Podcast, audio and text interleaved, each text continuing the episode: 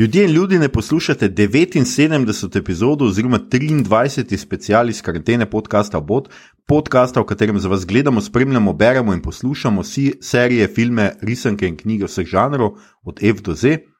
Obot obračamo besede v osrednje slovenskem dialektu, tako kot vedno, Mito Gigič, Servus. Igor Harp Jo, in Aljoša Hrlamo. Uh, tokrat po dolgem času brez gosta, ampak zato nič manj gostobesedno. 79. epizoda je torej 23. special iz karantene, namenjene našemu duševnemu zdravju, z njim pa želimo olajšati karanteno tudi vsem vam, ki ste te dni doma. Upamo, da to obdobje preživljate brez prevelikih pritiskov, finančnih in drugih, med svojci, zdravi, ljubljeni in na varnem. In vsekakor tole snemamo za vse tiste, ki si izolacije ne morete privoščiti, oziroma vam je kapitalizem ne privošči, pa tudi za vse pogumne in preobremenjene, premalo cenjene ljudi tam zunaj, ki se izpostavljate, da bi pomagali najšipkejšim, bolnim, pa seveda, da bi omogočili izolacijo vsem nam, ki imamo ta privilegij. Hvala vam, tega ne bomo in ne smemo pozabiti. V današnji epizodi bomo govorili o pravkar končani, za nas prav dobesedno, ker tole snemamo v nedeljo zvečer, a tudi za vas, ki to poslušate v torek, ni preveč oddaljena, skratka, pravkar, pravkar končana prva sezona slovenske kriminalne ali detektivske serije, primeri inšpektorja Vrenka, oziroma kot bi moralo biti, pa ni Vrenkota ali celo Vrenkeja uh, ki smo jo lahko spremljali zadnjih sedem tednov, sedem, zato ker en vikend vmes uh, serije ni bilo zaradi praznika. Ja, Na RTV, Kultura je vmes prišla. tako je, malo je kultura, kulturno prekinila. Uh, Serijo, skratka, spremljali smo na RTV Slovenija, na Slovenija 1, če ste gledali uh, serijo, uh, če, oziroma če niste gledali ali pa niste pogledali zadnje epizode, pa jo nameravate ali pa jo nameravate zaradi nas, potem za vas velja seveda standardno pozorilo, da bo epizoda gotovo vsebovala kvarnike. Če bi serijo ali zadnjo epizodo serije prej pogledali, storite najprej to in se k poslušanju naše epizode vrnite pozneje. Če pa ste serijo oziroma zadnjo epizodo tudi že pogledali ali pa je niti ne nameravate gledati, bi se pa kakšno uro kratkočasili, pa se nam le pridružite. Maestro, zaigraj eno našo. kritiki bojo rekli, da sem nor, dobrodošli v Maribor.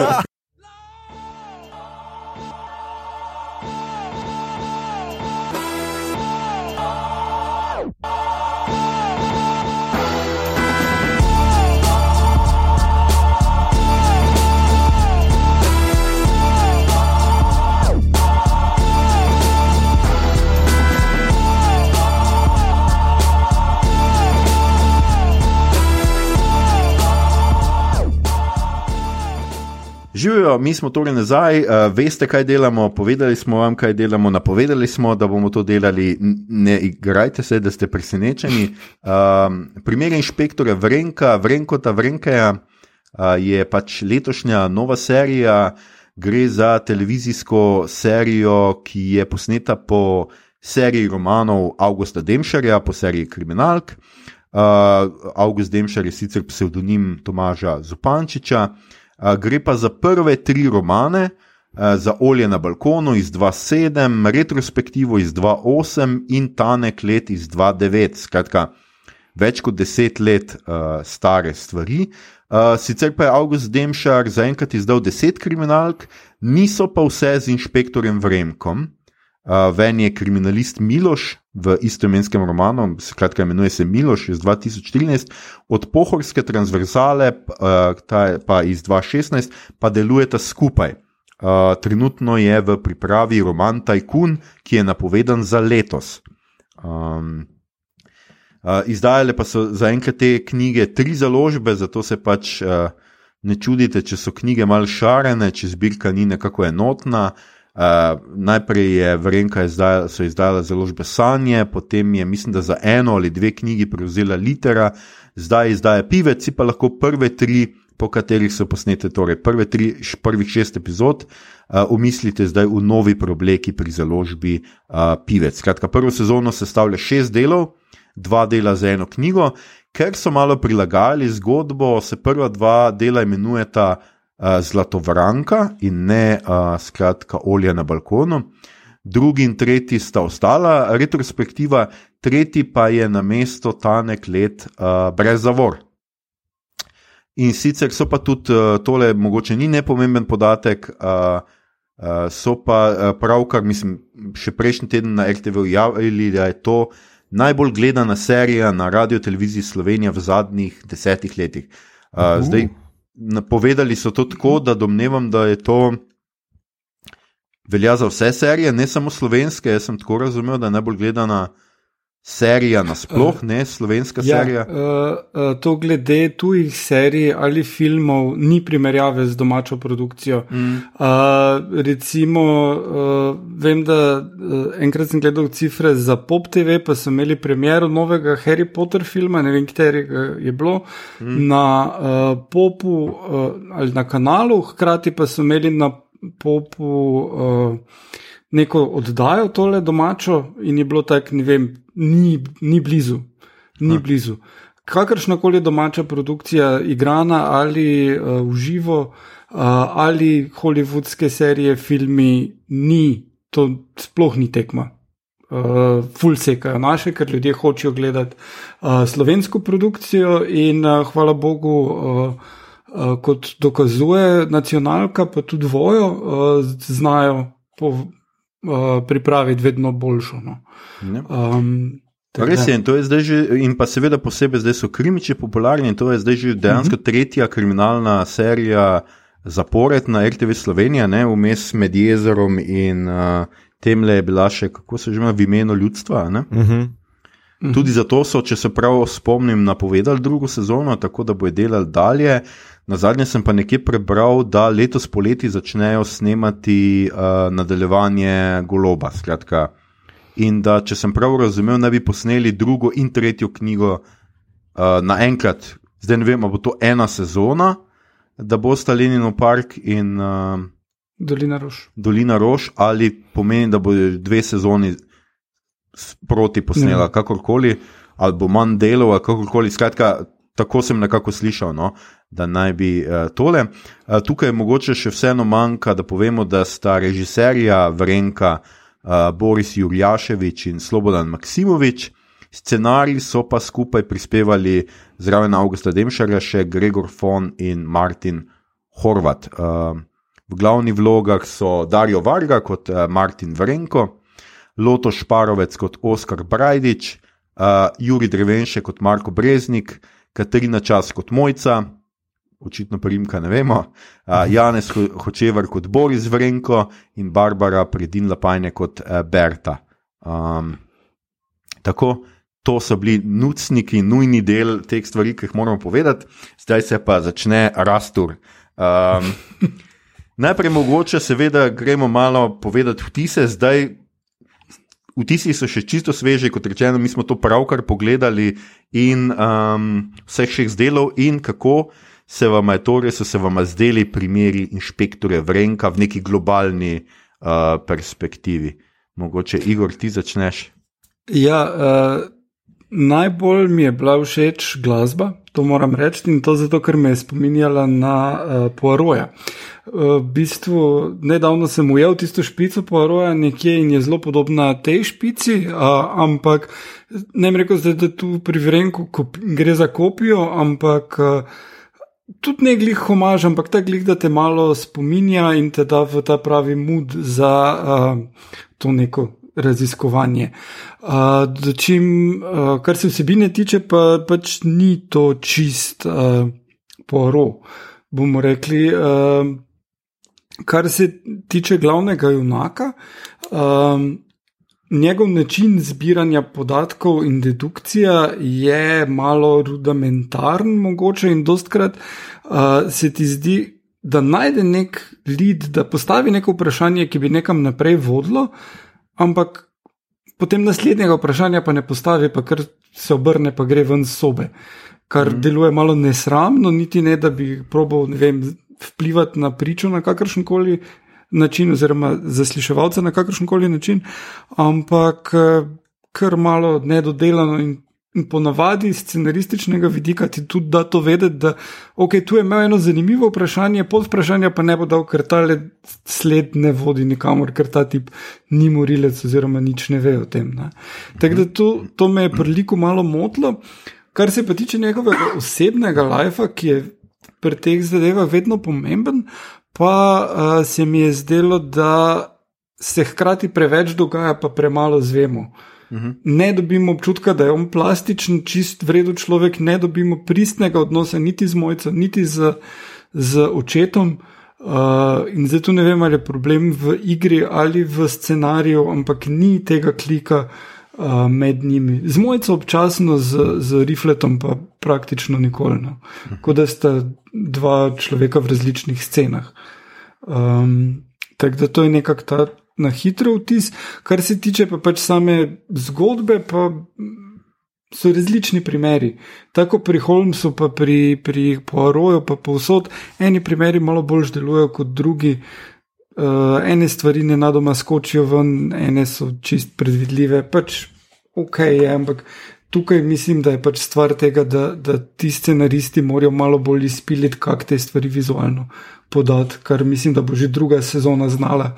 S to isto ekipo, druga sezona, dosti boljše stvari ponuditi. No. Okay.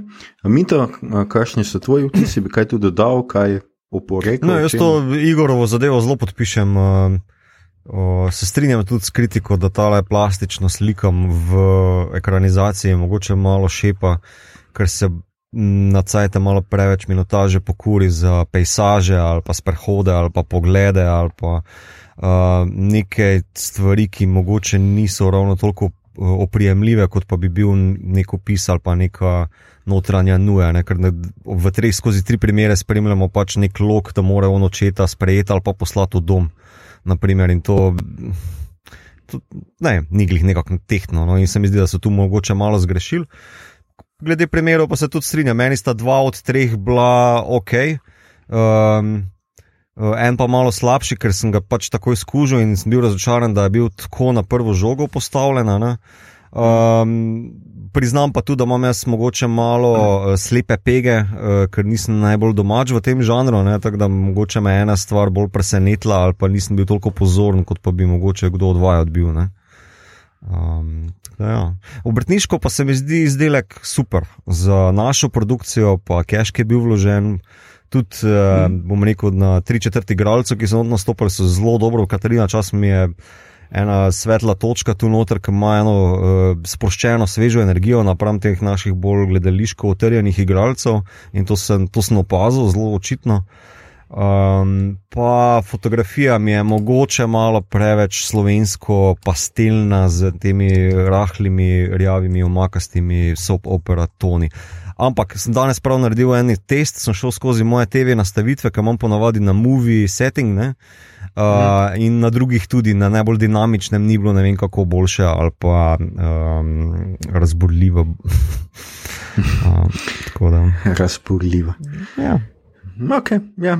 Um, ja, nekje se mislim, da smo vsi približno niste. Meni se zdi, da je to produkcijsko pač izjemna, izjemna red spet. Ne vidi se, da je meni ni nič slabša od jezera, zelo nekje tam tam. Je pa pač seveda popolnoma drug, drug štov, drug žanr, mislim, podžanr uh, cele zadeve in ima pač čist drugo neko to, kar je Žigor mogoče omenil, lahkotnost, oziroma mogoče tega zdaj nismo v živo še omenili, ampak več čas se pogovarjamo o neki lahkotnosti, o tem, da pač gre za neko stvar, ki je pač uh, taka bolj klasična. Proceduralna serija, ker pač imaš primer, pa drug primer, pa potem drug, tukaj dobro v dvojicah, zato ker pač se očitno v eni epizodi vseeno ne da uh, tako strniti ene zadeve, ampak še vedno pač, eh, po, pač dva dela sta. En primer, kar mogoče mene, kot nekoga, ki pač je bral Demšareve romane, se mi zdi zelo zanimiva odločitev uh, ta, uh, kar sta tudi vidva že omenjala, ta poudarek na nekih. Uh, družinski, uh, na neki družinski zgodbi inšpektorja Vrenka, ki je v romanu pravzaprav ni. Uh mhm. -huh, Jaz sem šele uh -huh. zdaj, ki sem spet bral uh, Tanki let, uh, skužil, da v romanu ni nobene mojce, zato ker je, oziroma mojce, eh, vrenko je že poročen. Uh -huh. uh, v, v romanu. Ne? In pač ni, vsaj v tankem ledu, zdaj jaz se ne spomnim, prej, ampak mislim, da ni tam spoznal mojce v, v prejšnjih dveh uh, knjigah. Ja, eh, tukaj v tej uh, prvi knjigi mislim, da jo spozna in, in prav uh, zaključi se knjiga, zadnji odstavek je, spomnil se je, da bo mojca že doma, ko pride. No, mislim, sta že skupno. no. Uh, Ja, ja. Ampak ja, to je ta mojca. Tu so še pač morali vključiti to razlago za njo, samo zakaj je zlobljane. Ja. um, skratka, ja, to pač uh, in tole z očetom, medtem ko so mal zanemarili za me odnos z Breznikom, ki je meni pač neka stvar. Um, Ki je tudi tako klasična detektivka stvar, ker imamo pač ta body body oziroma inšpektorja, ki mlajšemu kolegu ali pa bolj nevednemu kolegu razlaga svoje metode in svoje to. Je sicer res, da Vrenko nima kaj dost razlagati, ker njegove metode so dost take, ja, nek gut feeling, intuicija, nekaj je narobe, moram tu še nekaj mal premisliti, nima zdaj, da, da so to zdaj res neke logične, blazno logične metode, razen zelo natančnega opazovanja stvari uh, in sklepanja no, nekega. Uh, tako ampak mi manjka, no jaz sem ravno zdaj le v tankem ledu, sem se hahljal, ker tam na neki točki on brezniku razlaga, kako ena beseda uh, lahko vse razkrije. Pač in um, uh, notor je bilo, če kaj že, kako je že primer, neki, da je, da je nekdo nekam zdrsnil. Uh, da je zdrsnil, v, aha, pr, celo tak primer je, bere neko kritiko iz večera, v katerem uh, primerja uh, je nek kritik očitno opisoval pač knjigo Dušana Merca, to prepoznaš, če pač poznaš okoliščine. Um, in v njej kritik zapiše, da, je, uh, da se ful dogaja neka trupla so in umori, ampak da uh, pisatelj nikoli ne zdrsne v kriminalko. In pol mu on razloži, kako je pač to Freudov zdrs. Ker pač zdrs, seveda, pomeni, da bi bilo to nekaj nizkega, da bi padlo, da je napaka, ne, če bi bila to kriminalka. In je to se mi zdi tak en fin moment, uh, in tega je veliko v teh njegovih romanih, vsaj v teh prvih, ki sem jih jaz takrat prebral, pač ta nek odnos poučevanja do breznika, pa ta nek svetovljanski odnos. In meni to mal manjka. No, se mi zdi, da Vrenko v seriji zelo ima malo nekega življenja, no? razen pač tega odnosa z mojico, ki se v resnici dobro, zdaj se držita za roke, ampak ni se med njima zgodilo nič tako romantično. Če smo imeli dve epizodi nazaj romantične komedije, pač ni nekaj, ne vem kaj, pač že ki ste prvič skupaj, veš, da ste si všeč. Mm. In je samo vprašanje, kdaj jo bo povabil ven. In, Ker da vem, pa rada ima ta jazz. In... Tu- Tudi jim, tudi A, jim no. prodal tagline, veš, tako kot seks se tudi življenje zgodi med reklamami, veš.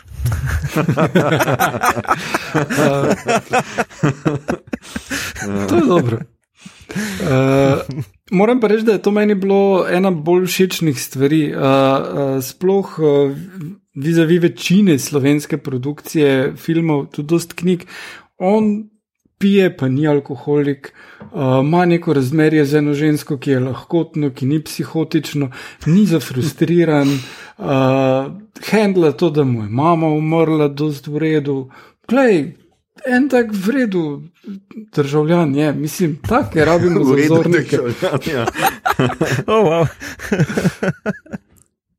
No, se to mi je zanimivo, mi je to, ne, to, mal, to malo odstopa, to, kar si zdaj Igor povedal, odstopa od nekega klasičnega vzorca. Ne, še v jezeru imamo pač lika s travmo, ne sme piti, uh, ne sme v gore, strašno Vara trpi ob ženo. tem, vara ženo, ja, ima pač te neke. Tukaj pa vrenko pa se nekako zdi, da je pač, da mu je čisto ok v lifeu, ali kaj. Tudi stanovanje ima za višjega inšpektora, ful dobro, no, ali kaj. Full zbirko plošč. Ja, recimo, ful Ja. zbirko ploč, posluša jazz. Uh, Ja, As one does. Mislim, ljudje, ki poslušajo jazz, so ok, verjetno. No? Ja.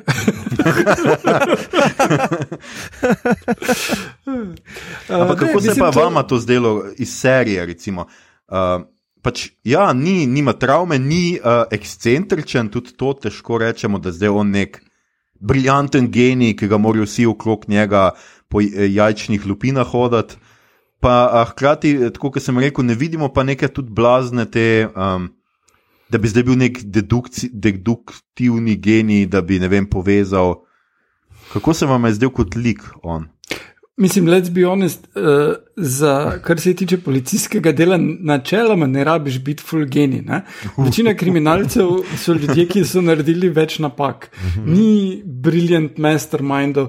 In tudi tukaj vidiš primere, ki niso zdaj neki full, uh, ne?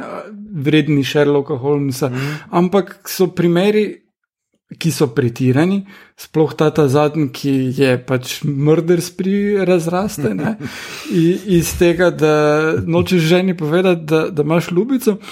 Uh, ampak uh, se mi zdi, da, da uh, ne rabi biti posledično policist oziroma kriminalist, nek uh, idiot savant, kot se temu reče. Uh, nek ekscentrik, kreten do, do sočloveka brez empatije ali pa karkoli takega. Ne? Ampak, uh, ali pa pač mizantrop, ampak je lahko to en čist normalen, regularen človek, ki pač enostavno sestavi te stvari skupaj, ki najbolj logično grejo. In uh, to se mi je pravzaprav dopadlo.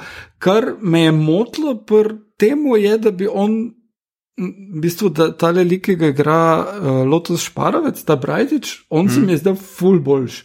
Policist, ful boljši pri svojem delu. Mene bi ful zanimalo spin-off njega, kako on dela to zadaj, ker, ker plus še boljši igralec je. Uh, vsej tukaj se mi je zdelo, tak, da. Uh, uh, Ja, no, še več tega. A, Igor je že pri spin-offih. No, no. Ja. Mi to, kaj si hotel ti tukaj še kaj dodati? Um, Ja, zdi se mi zanimiva ta distinkcija. Ne? Nekako je mogoče um, zanimivo pogledati z tega zornega kota, da ponavadi imaš ti neke, rečemo, temo falirane like, ne? kateri, s katerimi mm. bi se lahko na en gledalec. Ali po istovetu, ali pa čustvoval, medtem ko imamo pa zelo tako nepopisan list papirja, ok, jazz ima rad, pa fotra ima rad, pa uh, mami nima in rad se za roke drži, pa tu pa tam kakšno veljamo, ko spije. Ne? Mislim, to je zelo malo. To je zelo malo. Zdaj, če je to mogoče neka skoraj da že glupa kritika, uh, kakšen je ta gledalec, ki se vživlja, se mi zdi mogoče na tej ravni zanimivo razmišljati, ampak za me pa bilo mogoče malo premalo. No. Uh, ker tudi ta odnos z Breznikom se mi je zdel na začetku obetajoč, ampak tisto ni nikamor šlo. Ne. Se tudi Breznik je imel nekaj zapovedati, ima punco, nek fleci kupujeta in to je dvakrat, trikrat spuščeno, bilo pa nič od nič. Ne. Uh, in uh, se tudi noben več z drug drugim ne ukvarja. Et, enkrat grejo na pijačo, drugič nikalno, ne grejo na pijačo, pogovarjajo se v bistvu o ničemer privatnem, bolj ali manj. Uh, mm. Samo čakajo, da se ena luč prežge v vrnkovi glavi ne, in uh, posije vensko splešo, da je cit, ne vem, to, to je ta moment. Mislim, kot kontrast nekim tem uh, klasičnim žanrskim likom se mi zdi to zanimivo, ampak mogoče, ne vem pre, premalo, no, premalo za me. Mm. No, definitivno ob vsem tem opisu, ki, ga, ki, ki si ga zdaj podal, mi to strnu, lahko pač ugotovimo, da vrnko prvo res ni nič štajerc. Uh mhm. -huh. Tako da ni čudno, da ne govoriš štajersko, ker pač kdo ne pije, kdo nima probleme, problemov z ženskami, kdo ima s fotrom zgleden odnos in ga hoče in ga noče dati v dom, da mhm. fotor ustraja, da bi šel v dom, on pa ga noče, to, je, to ni nič kaj štarsko. Ampak ja, no, hočem pa reči, ne hočem pa reči, da pa se mi zdi, ja, jaz tudi bi pogrešal mogoče več. Uh, Globine pri, pri liku, ki pa ni povezana s tem, da je dober. Mene to pač ne moti, tako to, kar smo zdaj povedali, uh -huh. pa kar je Igor rekel, da je pač vzoren državljan, uh -huh. vreden državljan. Pač mene to ne moti, sem se mi zdi, da vseeno temu lahko daš neko bolj kompleksnost. No? Ampak se mi zdi pa recimo, ja, z nekega stališča pa mi je zanimivo, recimo ravno ta obrat. Ne? Foter uh, hoče v dom, on pa ga noče dati v dom in berat. Da je še zunaj, in se mi zdi, da je ravno obratno bi pričakoval pač tako stereotipno uh, neko podobo, on ga hoče dati vtakniti v dom, fotek pa mm -hmm. noče, zato ker pač noče si priznati, da rabi pomoč. Recimo, ja, um, ja. To bi lahko bila zanimiva špura. Ne? Ne vem, sploh ne vemo, ali je on ambiciozen uh, karierist. Naprimer, veš, on se on želi povzpeti po policijski lestvici gor in ga, naprimer, ajde, rečemo, zgodovni lok, fotek pri tem. Uh, a veš, uvira, ki mora fulcajta za njega, ne, zapraviti, ne, da vem, bi lahko bil nek konflikt, kot je le stari spoki, jaz moram ful delati, jaz nimam cajta za te skrbeti, pa take fore, naprimer, ne. Samo pač on je mm. tam, on je tam za njega, veš, kot, ne vem, kot, kot neki romkom lik uh, sosed, ki pač je vedno tam, ne? ali nekako tako smo se naučili v prejšnjem delu. Um, ja, ne vem. Mislim, ni me motilo, ampak tu, ta lok se mi zdi, da je ful pobral neke minutaže, pa ful premalo je dal, čeprav v. v prejšnjem delu uh, je bil lep moment, ko zopet pita tiste labode pod mostom in ima neko čustveno, uh, veš, mm -hmm. uh, minutko. Uh, tisto se mi je tako zdelo, wow, to je nek nov moment za slovenski TV, ki ima res hude filse, ali kako se naj izrazim. Uh, ampak nikam ne pelajo s tem. No. Uh, samo da očitno želijo pripeljati do konca te zadnje izjave, rifletove, ne kao. Ne. Eh, ne bo kreten, pa vse nekomu predaj to čelado, kot je tebi, jaz predajam. Ne, kao, kot ja, bo postan fotor ali postan še bolj slovensk, kot pa že si. Ne, ne vem, nek, nek, nek izdolž te linije sem razmišljal. No. Um, mm. Ja, ja. Um, je pa Ampak, mal, ne, uh, aha, ja, mal, mal se mi zdi zanimivo, da malo je tega nekega realizma policijskega postopka mogoče celo več kot v jezeru, ker se meni zdelo včasih, da ful manjka neke te procedure uh, sestavljanja likov na tablo. Dobro, vse so imeli to tudi v jezeru, ampak sploh niso uporabljali. Tisti je bilo samo neki gledosi, ko on riše tisto. Nikoli pa niso uporabljali v resnici vseh teh pripomočkov. Vsaj tu v prvem delu, kar se meni zdelo zelo zanimivo in precej mogoče boljše, malo izvedeno no, kot v jezeru, je to, da vseeno ima gledalec več čas občutek, da lahko sodeluje pri iskanju uh -huh. morilca. Uh -huh. Tudi uh, v, prvem, v prvem delu se spomnim, pa prvih na začetku, no, zelo je dosti teh pomoči, od tega, da ti kaže neke zemljevide, tlorize. Uh -huh. da ti vidiš, kako je hiša zgrajena, do tega, da ti nariše diagrame odnosov med, med, med ljudmi, čeprav zdaj v zadnjem delu ti učitelji, to je bilo vse neke črtice, so letele gor, dol, levo, desno -huh. in v resnici spet noben. Ampak pol pač malo, malo jim pa zmanjka v tej neki res pač logiki. No? Se mi zdi, da tudi v zadnjem delu smo to zelo dobro videli, kako on pač ne more spati in se po noči sprehaja po Mariboru in gre na policijsko postajo in pač nariše te odnose med njimi. Ampak pol kar on iz teh nekih odnosov nekako pogrunta da je bila ona vendarle prava žrtev. In nikoli ne pojasni, ja. zakaj je on to pogruntal in kako je on pogruntal, da ona druga ni ja, ja. Da, in da je tretja samo še odvrnitev pozornosti. Ta, tam je fulven uh, zaštelila, tudi ko onemu brezniku ja. reče. Um, ona je prava žrtev, zrihti, zrihti sodni nalog. Pa Breznik samo reče: Ja, no problem, nobenih vprašanj, samo obrne se ja, in reče: ja, ja. Čakaj malo, pizda. Komu, kakšen sodni nalog, ja. za koga? uh, ne, tukaj da je vedeti, kao, da je on njim že razložil, uh, nam pa ne. Uh, malo hintne na to, A, ampak je, je zelo uh, cheap uh, cop-out. Uh, to se mi je zdelo tako. Uh, morali bi gledalci dobiti nekaj žmohta. Me pa zanima, koliko je tu zdaj pač tudi koronavirus vplival na vse skupaj, ker mhm. oni so to posneli letos poleti. Uh, mislim, ne vem, kako poleti, glede na to, da naj bi se dogajalo, vse skupaj poleti, vsi so full oblečeni preveč. Um, ko se zunaj. Dobro, v Mariju ampak... je mrzlo, Igor, se že pozabo. ne, ni, ne, full je vroče. Uh, Mariju bo zahaj se na full. Um, ampak uh, vseeno so morali po vsej verjetnosti, mislim.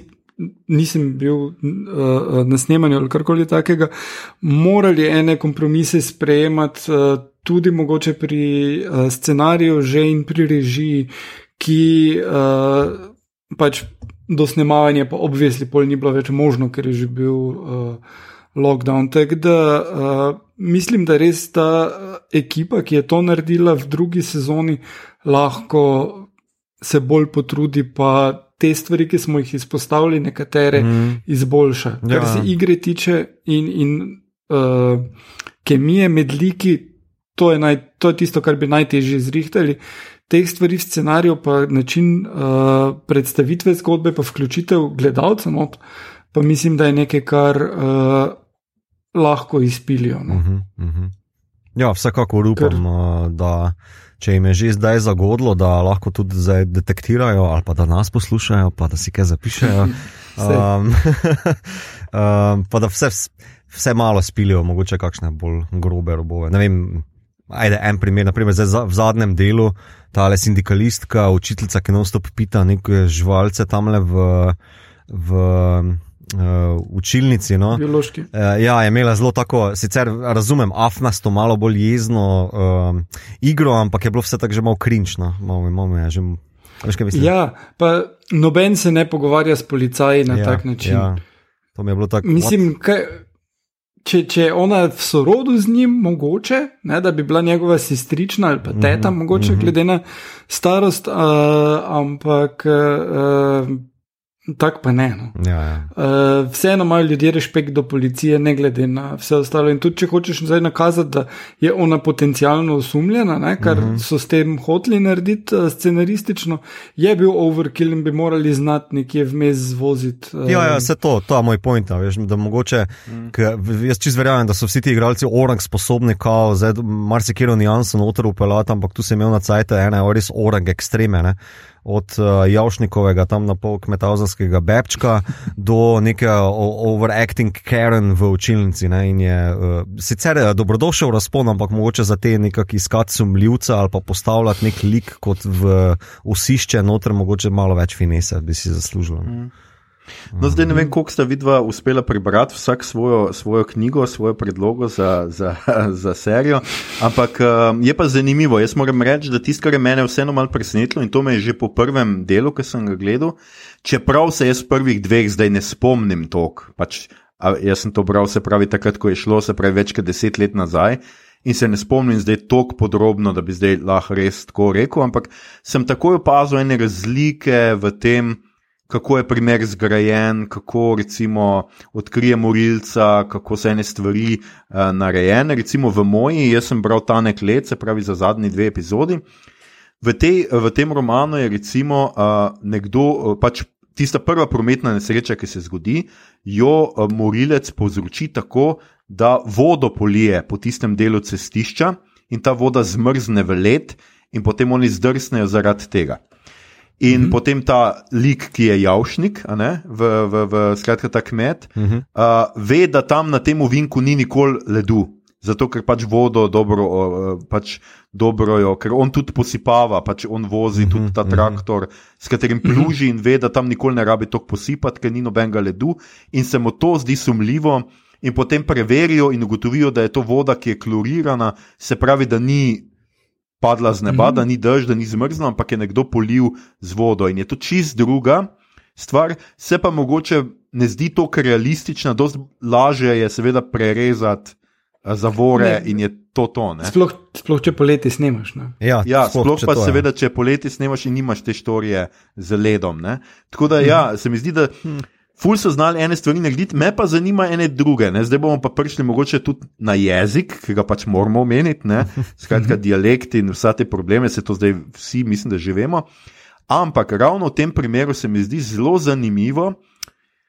Razumem, da televizijski mediji rabi eno bolj stereotipizacijo na nek način, zato da ti lik takoj ujame, zato ker v knjigi se zelo posveti temu kmetu.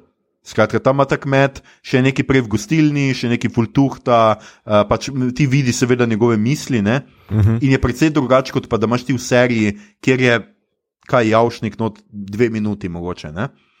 Ampak ja, tu so naredili recimo iz uh, bo, bogatega mladega kmeta, ki sicer ima 100 kg, no, uh, tako da je mal pretežek, uh, ki vozi modern, full dober traktor. So naredili javšnika neko na pol karikaturo nekega kmetavzarčka, ki so ga lani dobili uh, na pu, zapusta, očitno je mogel pihati, pa že imajo vse njegove podatke. Tako da malo so tukaj naredili in ravno njemu so položili štajerski uh, naglas. Ne? In tukaj mm. imam jaz pa velik problem. In tu v drugem delu je to bilo še posebej opazno, ker ima ta štajerski naglas bolj ali manj samo javšnik uh -huh. in ta uh, učitelj uh, matematike, ki je pač seksistična, šovinistična svinja. Ja, Skratka, pa- ta njihova ideja. Pa Ivanušič naglas- v prvem delu, ki je vojač. Pa Ivanušič, ja, recimo, ki je malo kripi, ki ima tam uno mladenko, ki un se sprašuje, če je sploh polnoletna, fotka, ki ima neko to zgodbo. Skratka, ne morem čisto kupiti te njihove ideje, da so šli na osrednje slovenski naglas, zato da ne bi karikirali štajerščine, ker pač ima slab prizvok štajerščina. Ker ja. na zadnje štajerščino večkrat v seriji uporabijo točno tako, ker ne bi smel, za karikiranje uh -huh. neizobraženosti, uh -huh. metavzarskosti, uh -huh. uh, nasilja moškega, šovinizma in tako naprej. In to ni ok. No. Uh -huh. Ne, ne, ja, se čisto strinjam. Jaz tudi, jaz mislim, da, da to, da so šli na kaos v srednji slovenski naglas je neumno in uh, menim, da bi morali pustiti, uh, um, da najboljši pristop k tem stvarem ima tale angliški um, avtor, uh, ne vem, ime, Januči, uh, ki je Death of Stalin naredil, uh -huh. uh, kjer enostavno vsak igralec govori z svojim naglasom, ki mu je najbližje.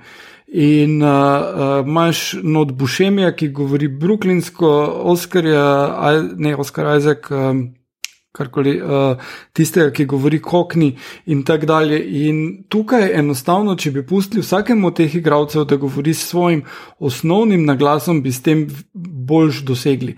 Je režijsko to malo bolj zapleteno, skupaj spraviti, kak ti ljudje govorijo različno, ampak gled, v vsakem kolektivu, ki, kjer imaš mešane ljudi, uh, pride do tega in v Ljubljani, in v Mariboru, uh, in vem, na Dolenskem. Uh, povsod imaš, uh, sploh če, če so zahteve po izobrazbi više, imaš ti različne ljudi. In sploh na policiji bi bilo pa to posebej normalno, mm. ker se dostkrat ljudje ja, ja. selijo ja. sem in tja. Uh, tako da, če bi drvenško pustili, da govori Mariborsko, uh, varke, zdaj ne vem, odkot je točno, ampak. Uh, uh, ni najbolj naravno deloval z tole, uh, rečemo temu, srednjo slovenščino, in šparovci pustili malo primorščine zraven, bi bilo čist, čist vredno. Uh, ja, jaz bom pa tako rekel, ali all in ali pa all out. Eh, to neke polovičarske zadeve potem znajo iznakaziti, pa res karikirati, tako kot si Aljoša omenil, in še bolj izostriti to neko mogoče. Um, uh, slab posluh za ene slike, ki jih sami ustvarjajo. Zdaj, če bi vsi, popolnoma vsi, govorili v srednjo slovensko knjižno, kakorkoli, uh, sploh ne bi imel problema, mene, mene to ni razburjalo. Ne? Ali pa greš all in noter, pa narediš mogoče neko blažjo obliko štajerščine, ker tudi to zmoremo. Um, Eh, pa bi se s temi nijansami in kontrasti igral, ne prleško, uh, spodnje Dravsko, Mariborsko, Velensko, Celsko, kakorkoli bi noter vključil, pa bi imel malo morje igr, uh, besednih za preigravce, pa kakorkoli. Tako pa je res. Potem izpade, da v bistvu mogoče samo tisti najbolj glupi, uh, sovražni, jezni, uh, na pol uh, zakajeni, alkoholizirani govorijo Štajersko. Ne? In je pač uh, kar mm. hud kontrast, huda slika. No?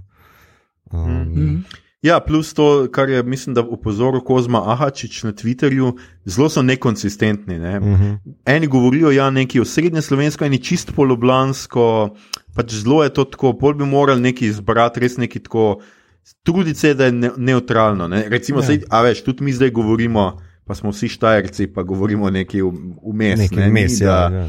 Ja. ja, tudi mene osebno ni motilo, me pa verjamem pa, da recimo ljudi z Maribora pa vseeno malo, uh, malo mm. zmotila ta mm. stvar. Še ena stvar, ki meni zelo zanimiva se zdi, meni se zdi Ma Maribor zelo lep na teh posnetkih in vse to. Mm -hmm. Sem včasih se mi zdi, da je tako nekako. Um, Te panorame niso nekako dobro osmišljene, fulih je, recimo, doskrat kaže glavni trg iz nekega razloga, ker pač, da vemo, da je v Mariboru, uh, A, ne vem, a slovenski uh, gledalec res rabi toliko pogleda. A, a veš, kaj hočem reči? Ker se mi zdi, da so eni od teh uh, prizorov bili bolj v smislu, kot v ameriškem filmu, da ti veš, da se dogaja v Parizu, uh -huh. je mhm. nekje v zadju Eiffelov stolp. Uh -huh, uh -huh. Obvezno, kot da se iz vseh kotov. Pariza, Francije vidi Eiffelov stolp, mm. ali pa bo nekdo z bagetami mimo letel ali karkoli. Tu se mi zdi, da tudi smo doskrat imeli ta nek feeling, da je treba zdaj pokazati pa center Maribora, zato da vemo, da je v Mariboru. Hkrati pa se mi zdi, da ene dogajanja, pa nisem nikoli imel feelinga Maribora, neke lokalnosti. No? Se mi zdi, da ja. včasih. Da se ni dalo to neko karakterno, ni se dobro karakterno povezalo, razen čist, tega jazz kluba. No? Se čist strinjam, mislim, da je ta neka logika toposa bila malo porušena, ker na pol imaš nek. Uh, z sicer zelo lepimi dron vedutami, Maribor spostavljen, ampak naprimer zgolj uh, policijsko postajo pokaži, pa uh, kje se je umor zgodil z lufta še, pa take zadeve, probi približati malo bolj z droni, za to isto logiko, ta topografijo mesta. Ne? Um, mm. tu, tu to je meni manjkalo. Veš, to, to je tako kot v rečemo, ABCD filma, imaš gro plan, pa middle plan, pa close up, ne? in tukaj mi je gliz manjkalo, ta le vmesna ena stopnja, uh, da me še mm -hmm. bolj potegne v mesto noter. Ne? Ja, ja, plus lahko bi kaj več uh, pokazali. Ne? Recimo mm.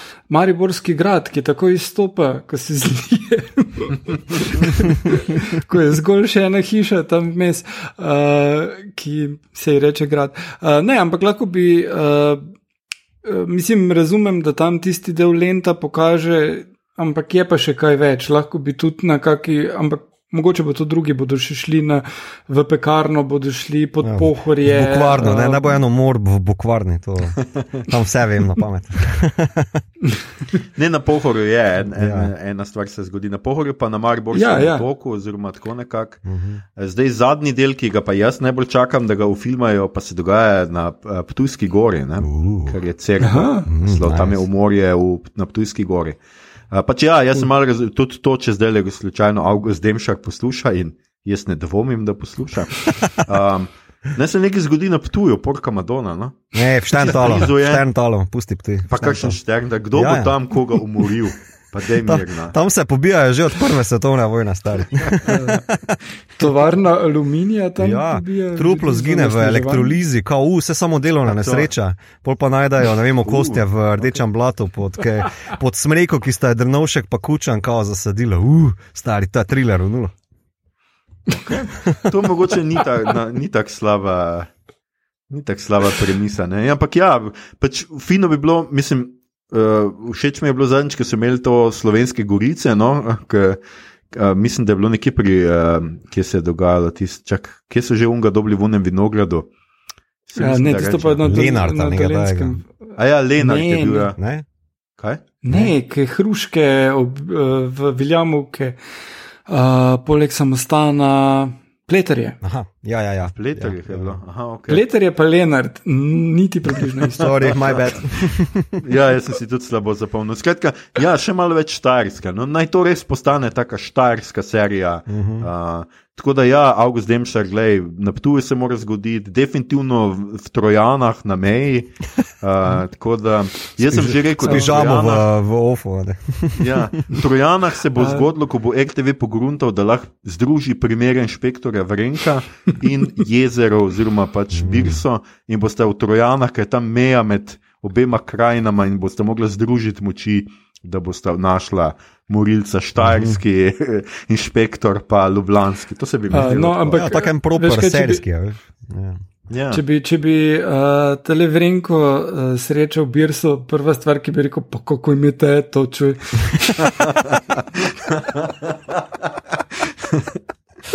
Uh, če smo pri imenih, pa lokacijah, v Silnici mora biti še en del uh, uh -huh. obdravi, zato ker pol uh, bi mu rekli uh, Vrenkeja. Na Vrenkeja. Ja, no. ja, tam je vse na jad. Ja. Ali pa, če, če, so, če pa že malo spijejo, pa je Vrenkeja ona.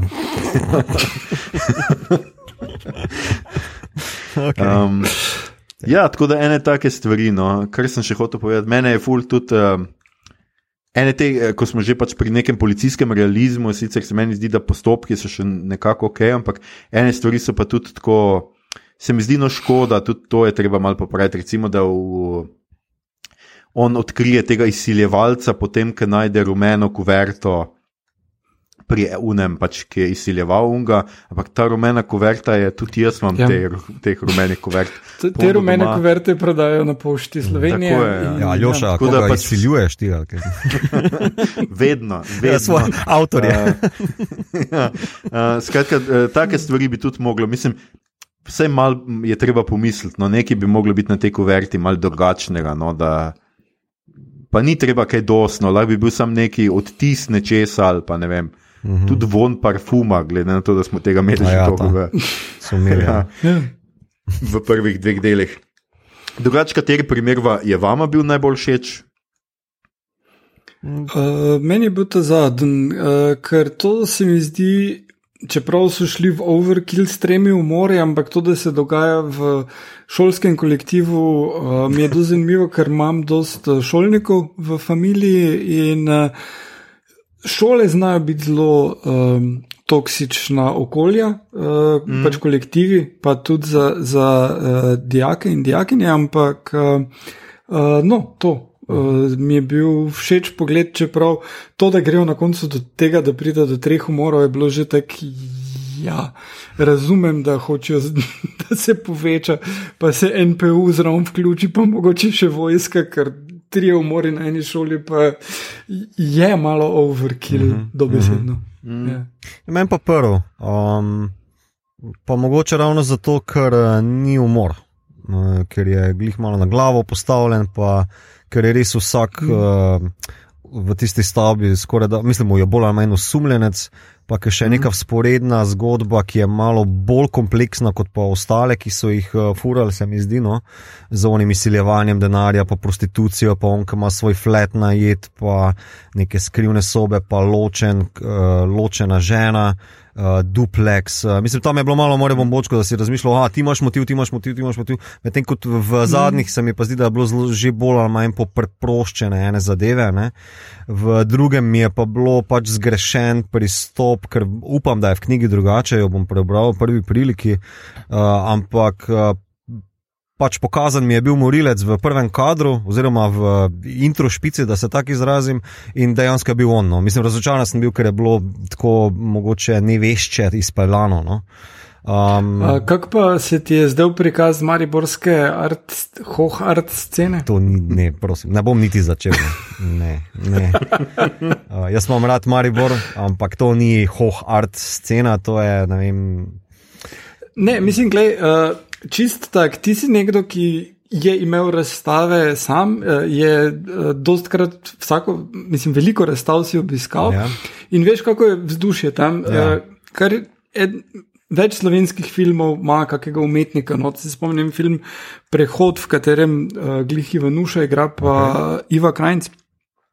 In se začne na, na eni raz, raz, otvoritvi razstave, ki, kjer je tale. Uh, zadeva tako full hoh, tako ne vem, imaš nekih 20 kelnerjev, ki natakajo šampance in goldalne kvartet, ki igra tam od zadaj in pač, pa vsi ostali so pa brok, pol in ne veš odkot in zakaj bi naj tisto bilo tako hoh in vse to. No, jaz Prav... kot stalni obiskovalec mitotovih razstav, razstav lahko potrdim za vso publiko, da tako izgledajo mitotovi. Ja, ja, glih, ja, točno tako je. točno tako je. Ne, veš kaj, naprimer, uh, no. jaz razumem, da Demšar ni mogoče ni največji obiskovalec ali pa poznavalec in upam, da se motim. Um, Ampak eh, ena, v, kako je bilo to prikazano, je zdaj, reč, rečeno, je kao vrh, eh, hoh, eh, pa ne vem, kakšna razstava. Kot prvo, pri, eh, eh, razstavišče je neprimerno, slike so obešene na osnovno šolska stojala. Niso obešene. Ne? Postavljene so. Ja, še to povrhu, mislim, tako zelo slabo in to bi naj bil, ne vem, neki. Um, ful hudi umetnika, veš, kao retrospektiva, te, uh, oni zbirajo, delajo fundacije, to se ne razstavlja na ta način. No, veš, vse me jaz mislim, da ne. No. Um, tako da, kar se tega prikaza tiče, ne vem, ona instalacija je imela kar neki, čeprav uh, ste bilo kar zabavno, on to nalit. No, to, to, me malo, to, to me je malo domišljivo zaštartalo, ok, what the fuck se tle dogaja, to bi raz izkusil.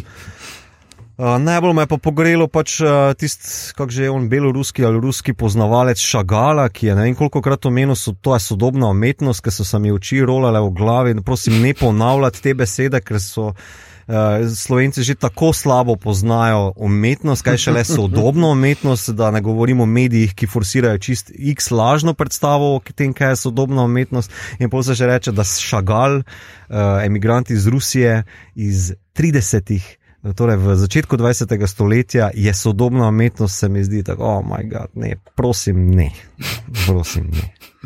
Um, no, ampak meni je bilo recimo zanimivo to, mislim, so pa dobro zbrali, da so šagala pa te njegove konje. Recimo. Ja, Kje sem takoj prepoznal, to, ja, ja, da to, je šagal in da so konji. To je ok, pa tudi ne veš, pač, kaj, kar se tiče teh motivov, pa če bi nekdo to prepoznal, pa to je res dragulček, to je majka, to je bomba, to je bil super motiv za ta. Mm. Ne, rečemo, pa mislim, da tudi uporaba tega imena ne, je čist primerna, je poznan umetnik, ni glih Picasso, veš, ampak to je tam tisti level, ki ga tudi mogoče nekdo, ki ni toliko v umetnosti prepoznane, pa si reče, mm. o, se tu pa je nekaj mm. vreden. Ne. Tako da, kar se tega tiče, nimam nobene spotike, no, zgolj v kakšnih opisih ali pa v uporabi kakšne terminologije. A predvsem pa to, da pač to je za me sodobni umetnik. Ne, ne, ne, prosim. Ne. Um, pa malo mi je bila kišejska ona fora, ampak vse vem, to se mora pač tako početi, ne, veš, ko uh, Milena tam slika po tem, um, kot mm. pač nedeljsko slikarstvo, da se tako izrazim. Pa seveda mora biti neka klasična podlaga v spodju, ker pač mi slikari tako počnemo, veš, mi v nedeljo zunaj. Slikamo in mora biti klasična glasba, nič drugega ne poslušamo, ja. ne? samo to je. Ja. Dobro, ampak gospod v letih, ne? mislim, ti si vseeno mlad uh, umetnik proti Mileni Zopančič. Ja, torej jaz bom pač mislim... pač Filip Glasa poslušal, pa Brian Ena, veš, tako da. Gled, bil sem v tvojem ateljeju, poslušal si Kejva. Gled, to je tako, kot pač vsi pesniki in pisatelji pijejo rdeče vino zraven, kot pišejo. Nisi to vedel. Medtem mi to pije rdeče vino. Ej, tiho, da kako to je audio, bil medij, pizda. Mm. Ja, no, jaz sem nekako vmes. Jaz tudi moram reči, da mi je bil prvi primer, kar všeč, no, drugi, priznam, tudi meni je bilo pač. To mi je bilo tako očitno, da sem več časa spraševal, ali bo je rešil, mm -hmm, ja, mm -hmm. da je pač res on. Um, pa mogoče tudi zadnje stvari so bile malo tako. Um, malo stopnjevanja napetosti bi še jaz pričakoval, no? ko on pogrunta, da bi bilo tako, ne pa da že v naslednjem prizoru vidimo, da mu sledijo uh, in pol tako jih tudi izigra, jih kaže nek uh, smetarski, uh, ne selitveni kombi. Ja? Um, tudi ko se mi je zdelo, kar malo predvidljivo, mi je bilo ja. pa všeč, no to, to se pa vidi, da tudi vrenko, kljub vsemu jazzu, pa to ni mogli mar za slikarsko umetnost, eh, za, zato ker si je bolj zapomnil, kaj so pili na otvoritvi, pa ja. Eh, tako kot ja. pa karkoli drugega se je meni zdelo. Ja. Lej, Maribor je mali, naprimer, jaz bi že izpostavil Jakšeta, naprimer, tukaj vem, kot sodobnega umetnika. Ne, sem na Twitterju sem spraševal, Folka je to na steni od Ivanušičevega ateljeja, Jakše mm. ali Ficko. Uh, pa se ne da dobro prepoznati, sicer je odgovor, mislim, da je še. Uh, ampak, naprimer, veš, že to bi lahko bil uh, nek kontrast, noter, ki bi ga opeljal. Mislim, da bi bil Demšer v opisu tega zelo domačka, je še tam, koliko vem, dan in noč naslikan po Mariboru. Um, tako da, ja. ne, mislim, ni no, pa, pa prvi... ni pa deal breaker. No, Mm. No, je pa v prvem delu tudi, seveda, vrenko bral, vrenko ta. to se mi je zdelo kar malo hecno, no, da bere Demšarov roman. Pa mislim, da celo prvega. Ja, ja, ja. Zdaj, v prejšnjem delu je pa srečal Demšare. Upam, da sta to, Igor je to prepoznal, no, ker je delal z njim intervju. Ne vem, Jaz sem delal telefonski očitno. intervju z njim. A ja, in telefonski je bil. Kje pa? Ja, uh, ja on mislim, da stopi ven iz jazz kluba A, in on mu reče zdravo, ne vem, Tomaša, kaj neko ime ima. Toma, ja, nekaj tako. Ja, ja. No, to je bil ja. August Demšek, ja, seveda. Okay.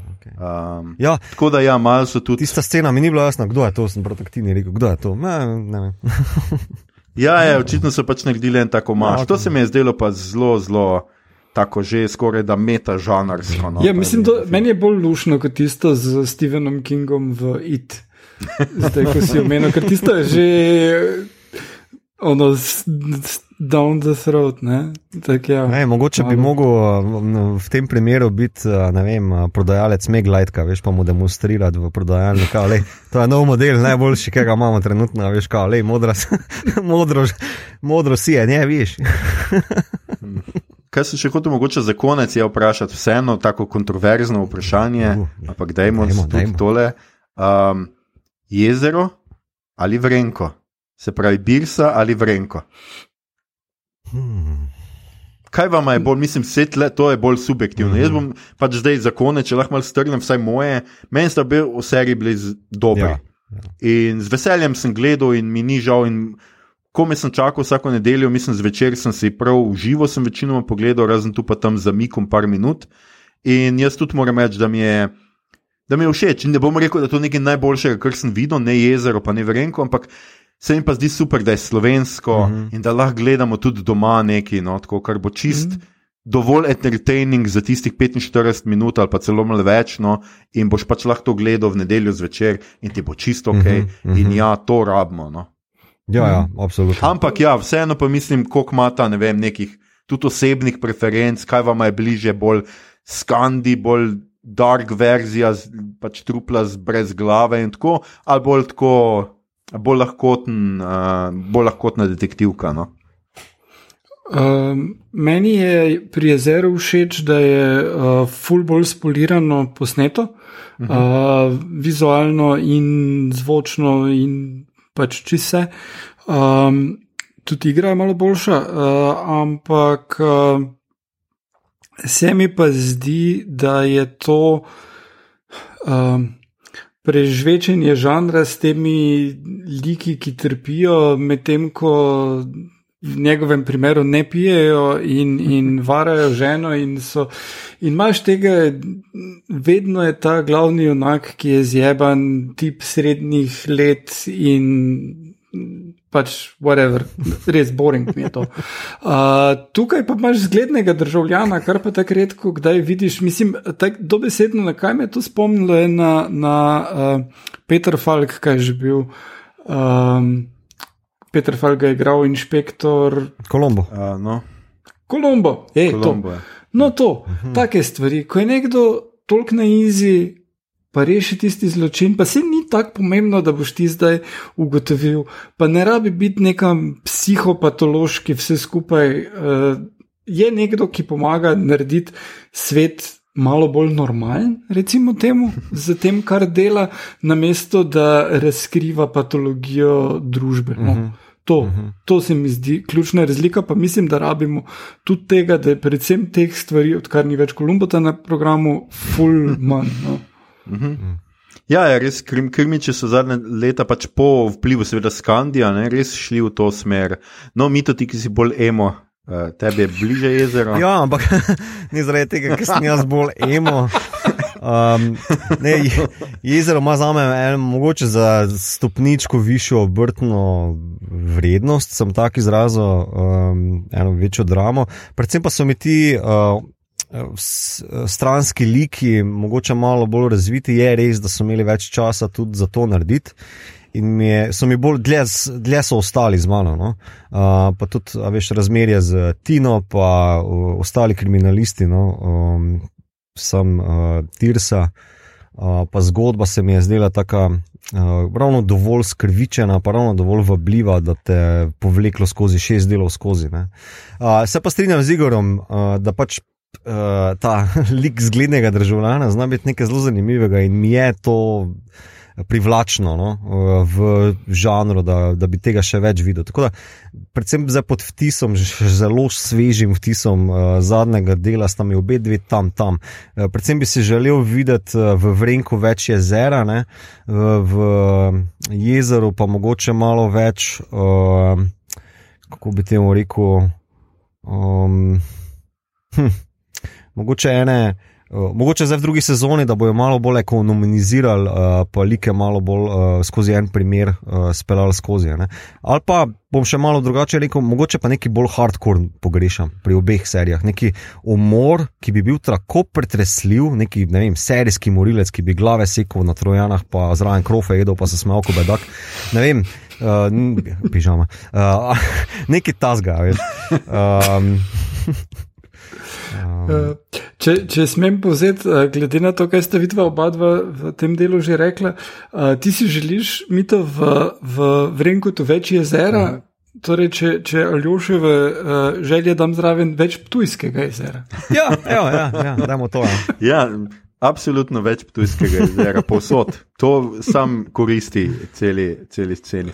Ne, jaz, tudi, jaz sem tudi nekako razpet med, med obema. Moram reči, da pač ja, jezero se mi je zdelo pač profesionalno, full narejeno, še eno stopnjo više, tudi malo zaradi tega, ker je bolj resno na nek način. Ne, pa, mm. Že skoraj deluje kot en film, pač ima to bolj res filmsko neko eh, širino in to. Me pa ja, mene zelo motilo. Pa tudi. Um, Mene priznam, pač tako, ker sem že takrat, mene je igra kavace pač precej odbijala. Zdelo se mi je, da je to preveč dramatizirano, preveč melodramsko, preveč vsaka, vsak, vsak stavek z neko usodnostjo.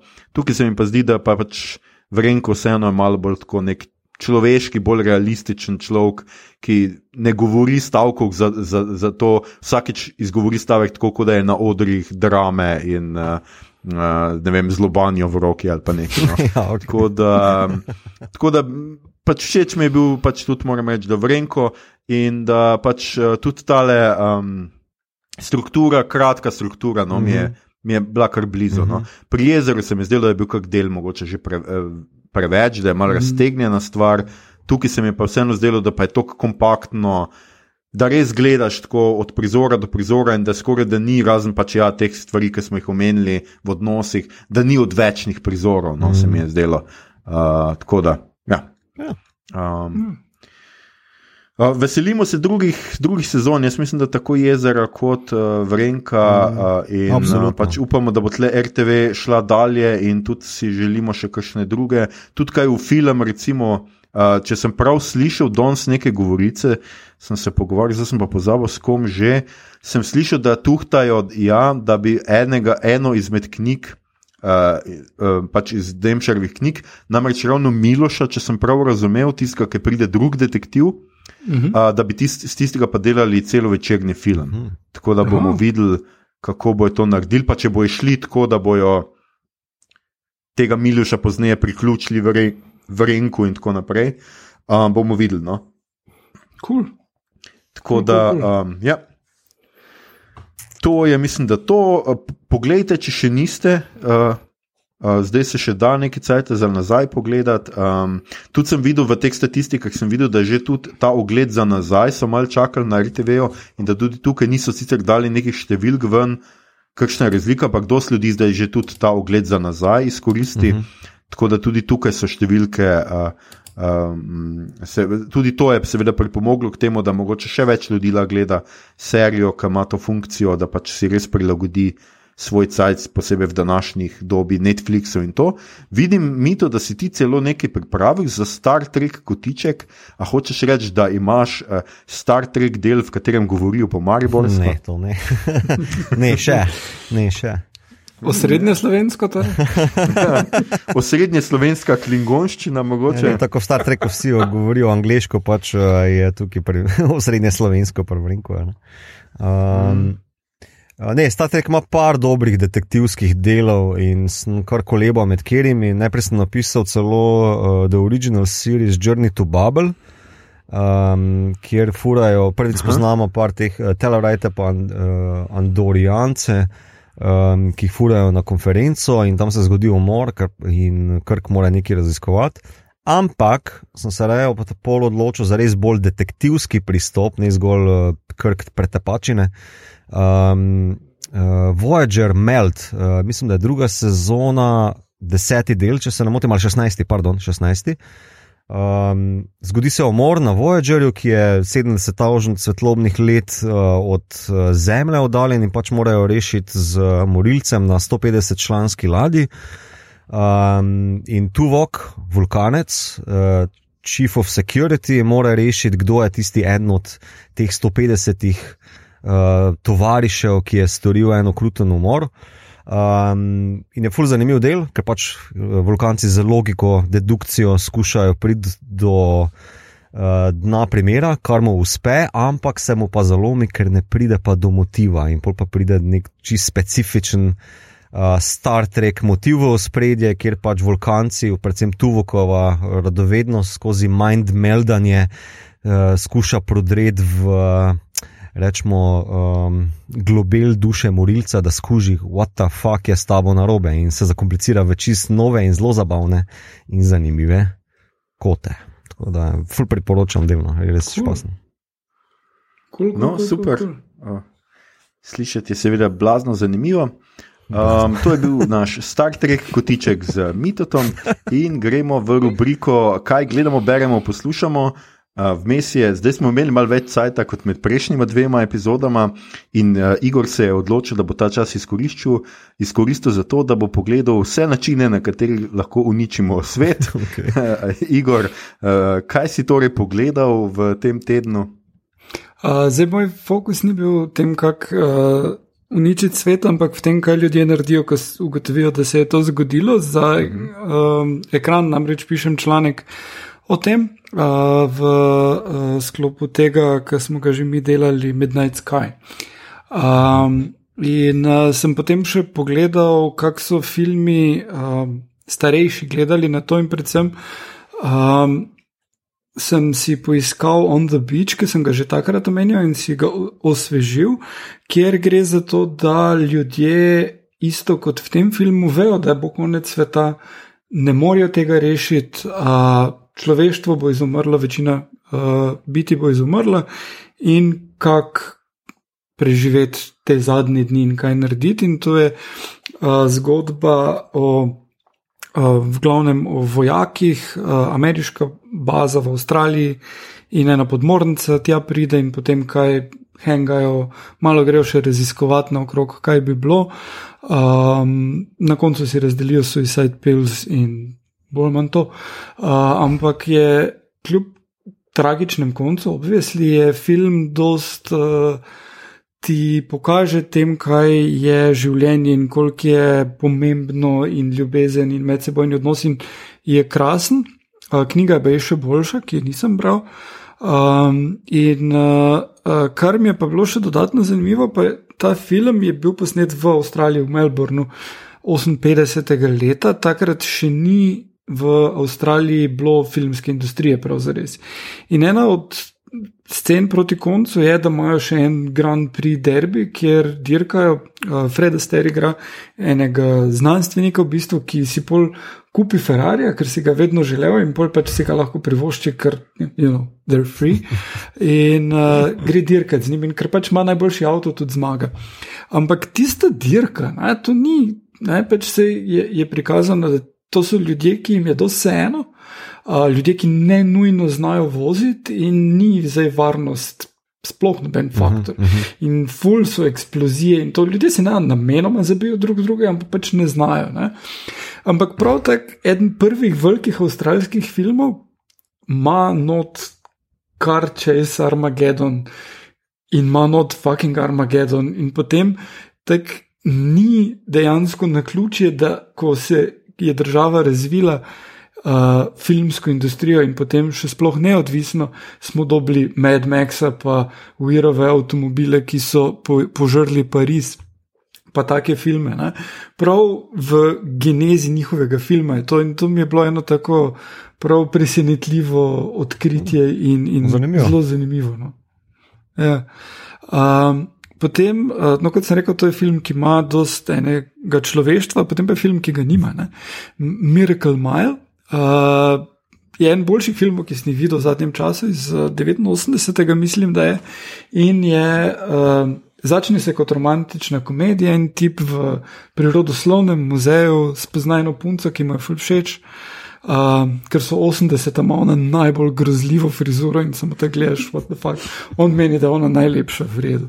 Um, In potem gre ta zmenek, se zmenita, ona mora iti v službo, še pol dela v Dineru, do polnoči bo on prišel po njo, on zamudi, ker zaspi, ker elektrika zmanjka. Uh, in sicer na fullošen način, on čik vrže skozi okno, oziroma z balkona, in golob vzame tisti uh, čik in ga da na, v gnezdo, in gnezdo zagori, in s tem naredi kratek stik. Okay. In uh, no, on zamudi, pride prepozno tja, uh, ugotovi, da ni, ni več, je pa govorilnica tam poleg Dinerja in gre klicati in jo kliče in pač dobi uh, njeno tajnico in odloži. In ko gre on beg, zazvoni telefon. Gre dvigne telefon in en tip panično reče. Ej, fakit je to, to, to, letijo tja proti eno uro, imate cajt, da je skri se stari, ne, in tako, kaj, ne. In ugotovite, da je na oni strani en tip, uh, ki dela v uh, Nuclear Silos in povejo, da so bombe izstrelili in da LA ima eno uro. Uh, in uh, misli, da je joke, vseeno, ga panika grabi, pol gre not, povejo ni ljudem, kaj je slišal. Oni ljudje not padejo v paniko, eni poznajo ljudi, ki poznajo ljudi, to jim zveni full credible, grejo, džuf, organizirajo se, odpeljajo proti letališču, bojo pobegnili čim pol pročo, da je leja. Uh, in to se stopnjuje, in pol gre ven, njo proba dobiti, uh, ljudi srečuje, on jim pove, kaj se bo zgodilo. Ne? Vmes na neki točki gre skozi nek fitness, ki dela all night, ker je to pač LA išče helikopter, pilota helikopterja. In uh, na eni točki ponovno ugotovi, da v mestu že zavlada panika, ampak on je bil pač patient zero, on je bil tisti, ki je vsem povedal, da bo konc sveta. Uh -huh. In je panika zavladala zaradi njega, in on vedno bolj dvomi, da sploh bo kaj. Ampak je pač prav no, 80, reganovsko, vsi vsak zase, denar se meče naokrog. Uh, kokain, cigareti, ono ne. Uh, in uh, uh, potem na koncu pač dejansko je konec sveta, ampak uh, prav tak ta prikaz, kako pride do tega, je pa tak. Very fucking 80s, da, da ne moreš verjeti, in je krasen film, in uh, full priporočam. Oh, okay. uh, Miracle Mile. Ja. Obstaja Blu-ray, uh, kopija se da dobiti na internetih.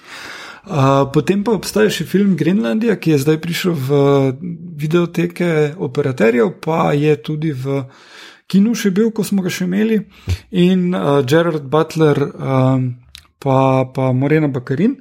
Sta v glavnih vlogah, in uh, pač uh, tudi nek komet pride, bo padel na zemljo, na Grenlandije, zatočišče, ljudje probajo rešiti se nekako. Uh, to pa ni uh, apokaliptičen film, ampak je disaster movie in je predvsem o tem, da vsako prepreko, ki jo pridejo preko, je potem nekaj hujšega in potem na koncu se rešijo, zato ker so privilegirani belci, ki uh, imajo. Uh, Možnost priti do tja, kamor pač temno polti ne morajo. Prav, Very fucking racist, ta film na koncu izpade.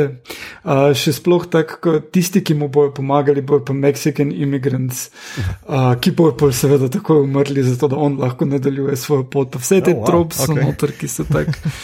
Ja, ja, zelo, zelo čizi, pa pač Gerard Butler igra toliko dobro, kot igra. Pa, Kva, Gerald ja. Butler ne igra dobro. ja, ja, no in kar se meni zdelo najbolj smešno, tam na eni točki ga en tip napade, ker ima tisto zapestnico, ki omogoča, da bi lahko na avion prišel, ga tip napade s hamerčkom in tak, kam on. Nima cele moči perzijske armije za sabo, ampak en hamerček. Deno, to ni resen fajn, da ga Beck spravi, Gerald. Ampak ja, Gerald. Uh, Tako da, ja, Grenlandija pa tako, tak, mislim. Ne, ne. Ne. ne. Mislim, da je to povedalo vse. Uh, um, ja, m, vidim, da se je Mito izobraževal v tem tednu. Mito. Ja. Za, Kaj si ti pogledal? Uh, Framing Britney, zdaj si tako v luft skočil, ker sem, sem zgolj omenil, da sem prebral, da se Justin nekaj upravičuje in jaz pač nisem razumel, zakaj se upravičuje, zdaj pa razumem, zakaj se upravičuje. Ja. Uh, ja, kar šokanten dokumentarc, moram priznati, uh, me je zelo zrukal. No?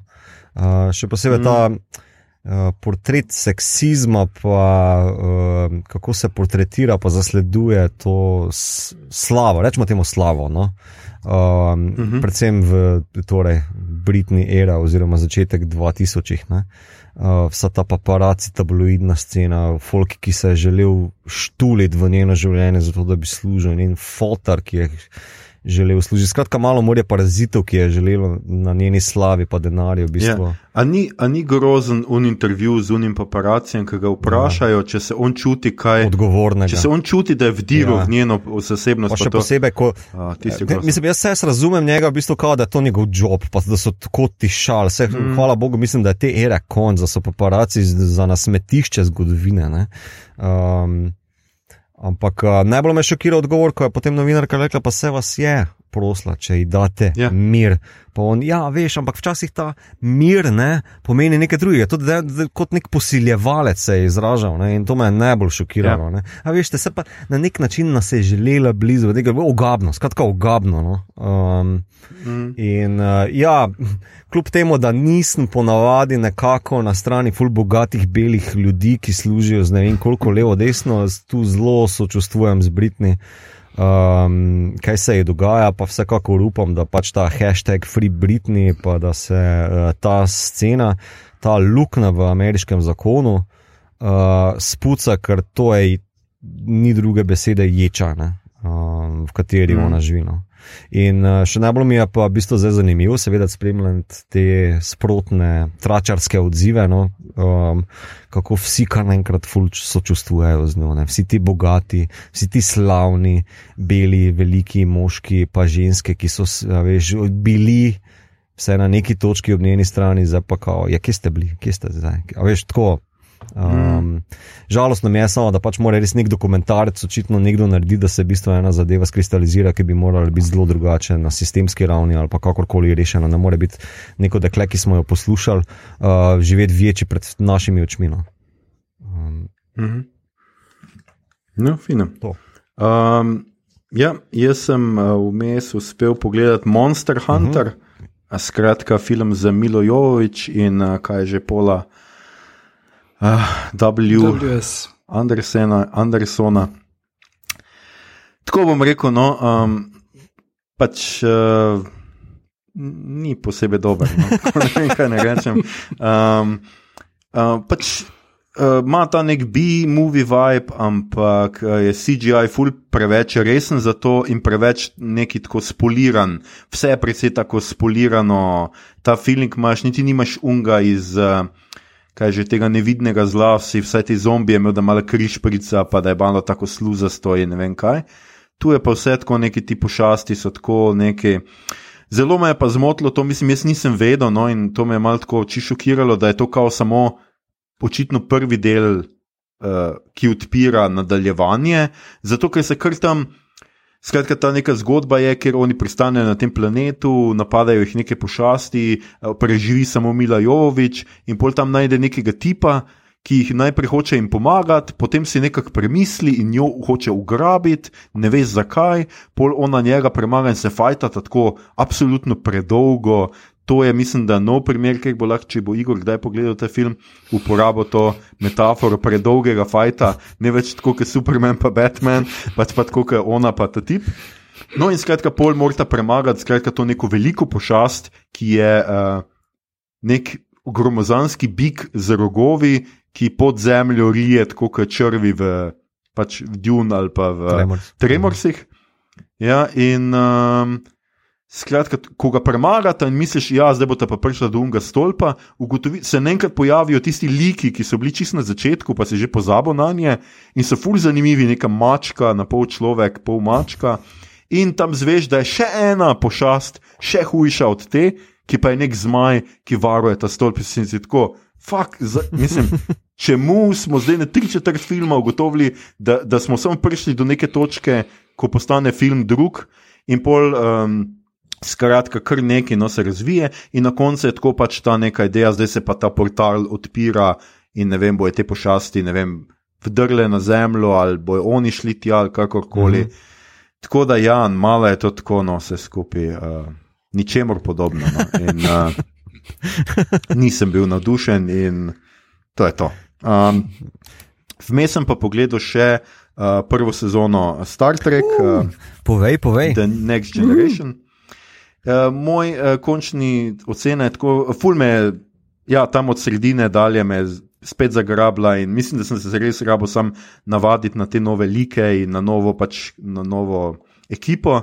Uh, Data mi je še vedno moj najljubši lik. Nisem glih tok nek fan tega Rikerja, ki se mi zdi tako zelo brez neke osebnosti, vsaj tej prvi sezoni, pa Picard mi je zelo všeč, posebej kot ta grumpy old guy vibe, ki ga ima včasih posebej do otrok. Uh -huh, no. uh -huh. uh, tako da to mi je všeč, pa zdaj sta bila dva zelo zanimiva dela. No. Pač ta neki z, na koncu, no ta zdaj neki prej z neko.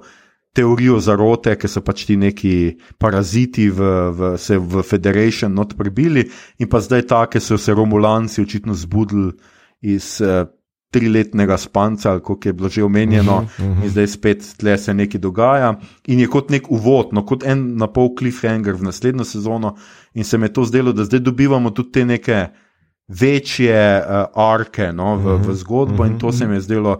Zelo dobro došlo, pa kar nekaj zelo dobrih delov je bilo zdaj v, v drugi polovici, se mi je zdelo, uh -huh. no, takih uh, zanimivih, pa malo stran od tistega, ja, neka vse mogočno bitje smo srečali, ki ful zna neki ali pa ne vem kaj. Ja, no. ja. Una, zelo mi je bil všeč ti zdel, ker so nek dva planeta, ki sta v simbiozi Aha. in oni so one nategnili, da so vsi pod neko drogo -huh. uh, in da pač rabijo to drogo, da preživijo, oni pa živijo od tega, -huh. ker jim oni hrano pa se uh, daje. Uh -huh. Tisti se mi je zelo tako, hm, zelo. Šmohno, tako da sem vesel in čakam, uh, No, cool. da se lotim uh, naslednje Eno sezone. stvar te moram takoj razočarati, ker v bistvu tale paraziti, fora, tale zarota, ne gre nikam, to tu ustane, tega je konec. A ja, to ne gre Te- Im nikamor. je škoda, veš. A, Romulanci so the best, njih boš spremljal še lep, lep, lep, lep cajt, eh, to je super. Eh, Pa Ferengije si boš mogel resetirati enkrat, tako da eh, so vseeno, Mm. eh, mislim, da je zgodba takšna, da so na njih računali, da bojo glavni bad guy, ampak nekako folk jih je smatral, pa mislim, da sam skužiš to, da so malo pred stupid, da bi bili bad guy. Ja, ja. Uh, tako da so jih precej opustili, oziroma malo resetirali no, na nek način. Uh, mm. Mi je pa zadnji del prve sezone Full the Best, ki je v bistvu povezan torej z Ran Romulancov, povezan z temi liki, ki jih od, odtajijo, ne, odtalijo pardon, mm. iz uh, 20. stoletja in je tako lep kontrast, oziroma uh, komentar na to. Kje je Star Trek, je 24. stoletje, je, kako se Star Trek samega gleda, v kontrastu na našo, neko rečemo, temu postreganovsko dobo. ne. Uh, ko on ti reče, mm. jaz moram poklicati mojega borznega posrednika, kaj je stalo, ni, ni keša. Ja, kaj pa ne pol počnem, ja ne vem, zboljši se pizde. ne. A Veš, to, Ja. to se mi zdi. Prešli smo materialne Ja, potrebe. ja. Ja. Uh, Ja, ja, ja. to, ta del je, za, že zaradi tega mi je toliko kul. Cool, no. Ja, eno, skratka, to imam pa eno veliko pombo na to sezono, oziroma na ta novo. Uh, zakaj so jim uniforme uničili? Kaj so ti neki kombinezoni, ki jih imajo oblečene? To je to grdo. Ja, Pa kaj se je dogajalo tem ljudem v 80-ih? No? Ej, ej, Res niso imeli nobenega 90-te. okusa za modo. To so 90. ne, je, ne, to, ja, prva sezona je še 87. ja, Ja. Okay. Ja, to je 80s design, ki žal so se ga potem tudi v 90-ih mogoče malo še preveč oklepali. Se pri uniforme vsaka serija malo spremeni. Uh, tudi v tretji okay. sezoni so zdaj spremenili v TNG-ju malo, vse en tale ruski uvratniček si, si izmislijo. No? Uh, da niso bili mm. neki skinny jeans oziroma spidoti, no, ko imajo oni surferi, meni tako izgledajo. Ja, ja, Um, hecno ja. je zelo. Tako da, ja, te čisto razumem. Um, tak, ja, kaj ne rečem, ej ti si stani. Uh, kak pa se ti je zdel uh, Q? A ja, Q. Ja, meni on mal preveč pada ravno v to foro, pač omni prezentnega bitja. Čeprav tista, tisti del, pol drugič, ko se pojavi, ker Rajkerju da to možnost pač Q-ja, no, Mhm, karkoli pač to je, his own cuteness se mu da. Skratka, uh, tisti tist se mi je zdelo redo, no, ker je ta neka.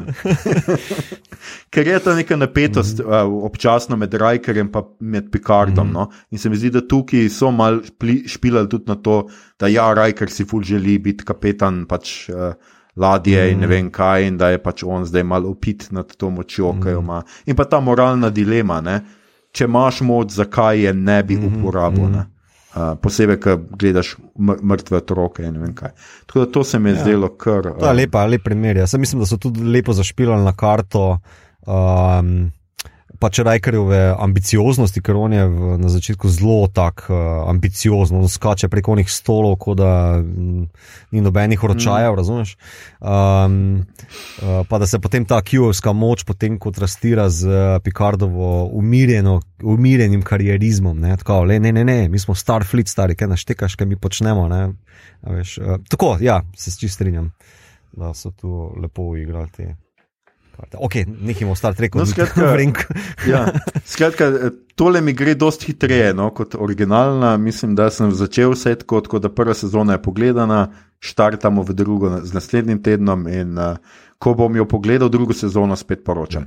Um, Ljudje in ljudje, to je bila že naša 79. epizoda, kar seveda pomeni, da je naslednja nova jubilejna epizoda, 80. okrogla epizoda. Etisi, naši A, etisi. poslušali ja, naše etisi, kako bomo takrat oblečeni, kakšne frizure bomo imeli, uh, to boste kmalo videli. Uh, poslušali ste podcast, ki se oglaša na ime Bot, podcast za serije, filme, risanke in knjige vseh žanrov od F do Z, ki ga gosti mreža Apparatus.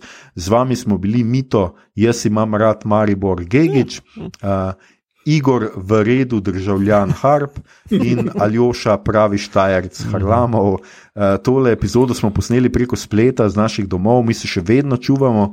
Upamo, da se vi tudi s tem, ko čuvate sebe, čuvate tudi svoje bližnje, sosede, sodržavljane, s tem pomagamo razbremeniti medicinsko osebje, čuvamo se lahko samo skupaj, ostanimo skupaj tudi, ko smo narazen. Žal ne živimo v Izraelu in še nismo vsi precepljeni, tako da bodimo še malo potrpežljivi, držimo se ukrepov, vzdržujemo razdaljo, razkožujemo roke, nosimo maske. Skratka, skrbimo zase in za druge. Če vam je bilo všeč, kar ste slišali, širite, lajkajte naš podcast, naročite se nam preko vašega najljubšega appa oziroma ponudnika podcastov, dajte nam kakšno ceno na Apple Podcasts, spremljajte platformo aparatu z odličnim izborom podcastov za vsakega. In če boste v naslednjih dneh, zdaj ko so padle občinske meje, šli na kratek izlet v Maribor, se nikar ne začudite, če ljudje tam govorijo drastično drugače kot na televiziji. Če vas bodo grdo gledali zaradi vaše, zlasti ljubljanske govorice, jih razorožite s tem, da jim povete, da poslušate, da poslušate podcast obot.